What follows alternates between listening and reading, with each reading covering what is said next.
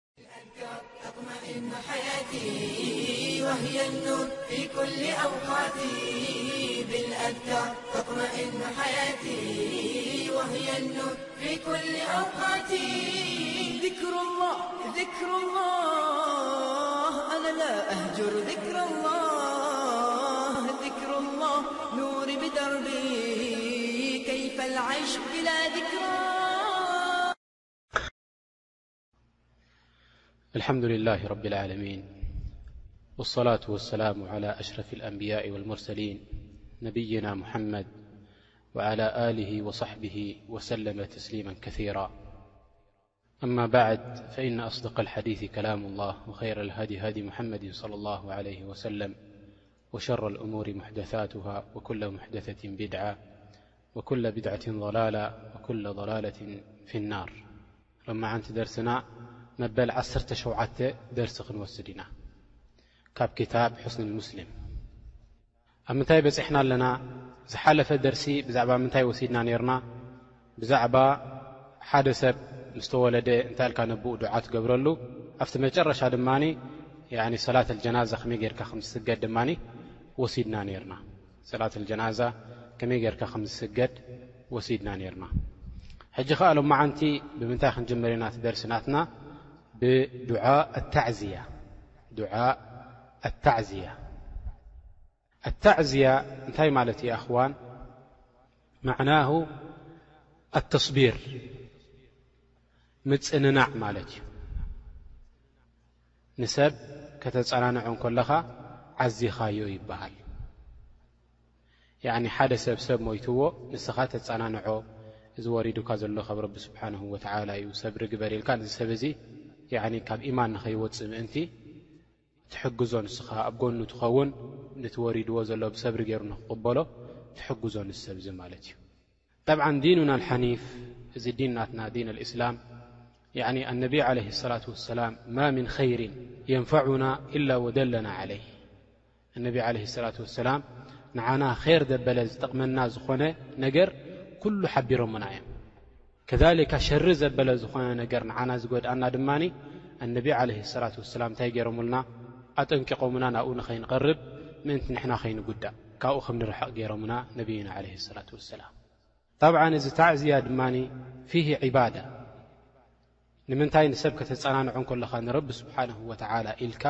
ረቢ ስብሓነሁ ወተዓላ ይፈትወልካ ዒባዳ ብምዃኑ ከኣ መንገዲ ናይ ነቢ ዓለይሂ ሰላቱ ወሰላም ኣለዎ ንዚ ታዕዝያ ከመይ ጌርካ ንሓደ ሰብ ታዕዝያ ትገብረሉ ከመይ ጌርካ ተጸናንዖ እንታይ ትብል ሓደ ሰብ እንድሕር ደኣ ሰብ ሞይትዎ ሓደ ሰብ እንድሕር ደኣ ሰብ ሞይትዎ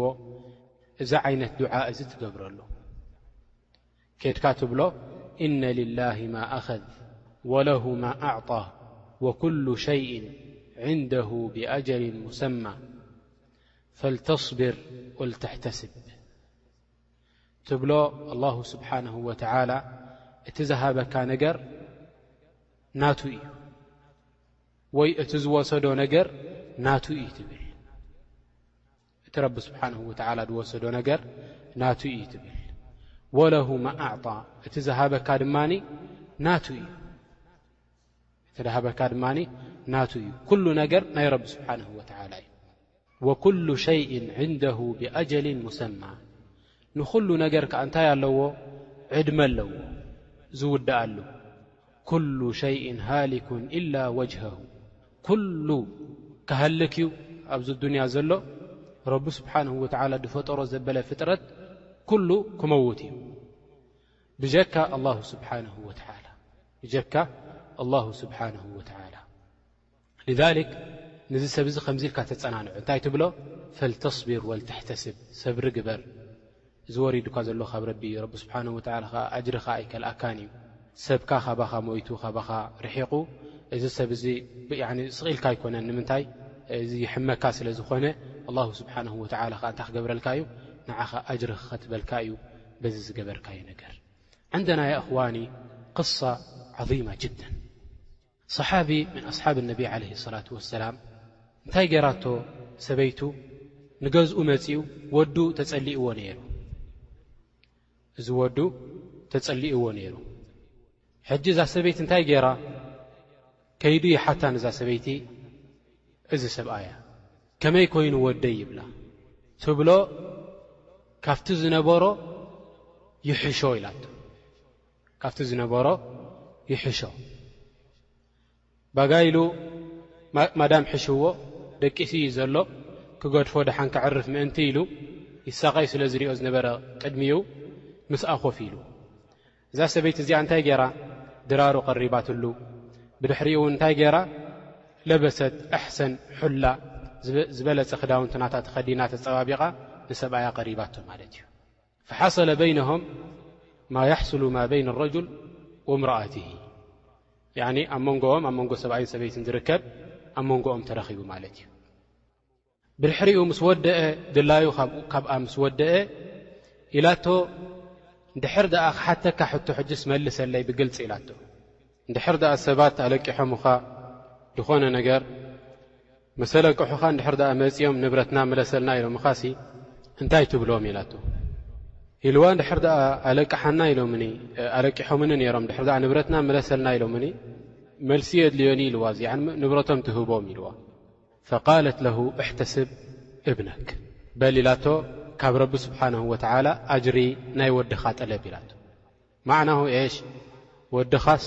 ተራሒሚ እዩ ኢላቶ ፈ ሰብኣይ ያኒ ተሰሚዐዎ እቲ ዝገበረቶ ነገር እንታይ ገይሩ ከይዱ ናብ ነቢ ዓለህ ሰላት ወሰላም ኢልዎም ያ ረሱሉ ላህ እንዳፈለጠት እንኮላ ወደይ ሞይቱ እንከሎ እንዳፈለጠት እንኮላ እዛ ሰብ እዚኣ ኣብሊዓትኒ ኣስትያትኒ ብድሕሪ እውን ኣብ መንጎ ሰብኣይን ሰበይትን ዝርከብ ነገር ኣብ መንጎይን ኣብ መንጎኣ እንተረኺቡ ዝኩሉ እንዳፈለጠት እንኮላ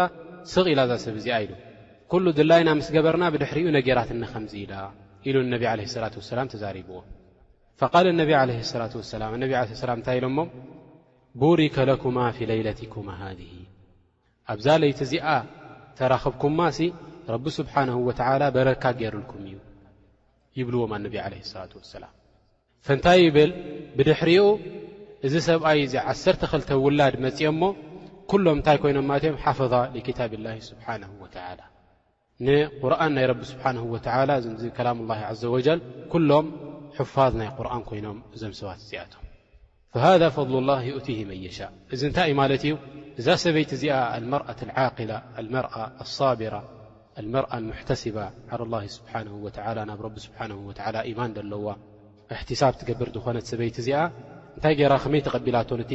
ቐዳእ ወቀደር ናይ ረቢ ስብሓነሁ ወተዓላ ጠብዓን ነዚ ከምዚ ጌርካ ንኽትቅበሎ ኢማን ካምል የድልየካ ትረት ደለዎ ኢማን የድልየካ ንዚ ነገር እዚ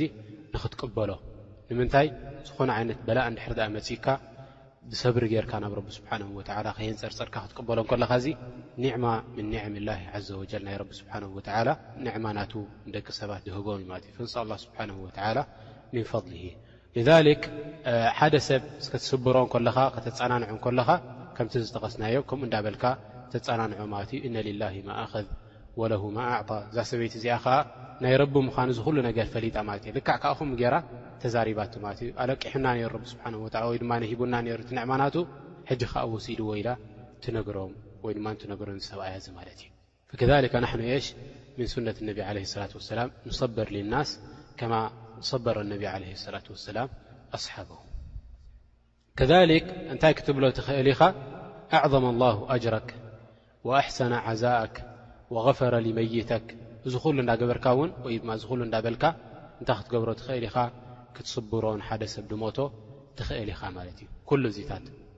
ወይ ማ የቁሙ መቃሙሁ ወይ ድማ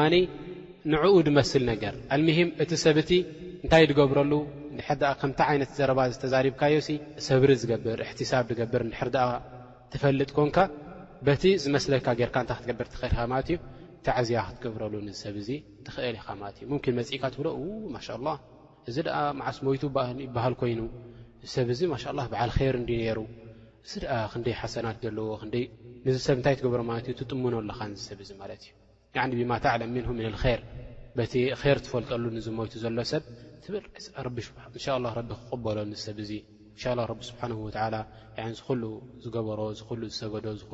ዅሉ ዝጾሞ ረቢ ክቕበለሉ ጸዋማይ ያዕኒ ሰጋዳይ ዝነበረ ሰብ ካልኦት እኳ ይሞቱ ኣለዉ እንዳበልካ እዚ ሰብ እዚ ከተጸናንዖ ትኽእል ኢኻ። ኣልምሂም ንዚ ሰብ እዚ ንቲ ያኒ ሙብተላ ዘሎ ሰቡ ሞይትዎ ዘሎ ከመይ ጌሩ ሰብሪ ከም ዝገብር ከመይ ጌሩ ኤሽ ክጸናናዕ ከም ዝኽእል ንስኻ እንታይ ክትገብር ኣለካ ማለት እዩ ብኡ ጌርካ ክትዕዝዮ ኣለካ ምእንቲ እዚ ሰብ እዚ ያኒ ነቲ ወሪድዎ ዘሎ በላእ ምእንቲ ብሪዳ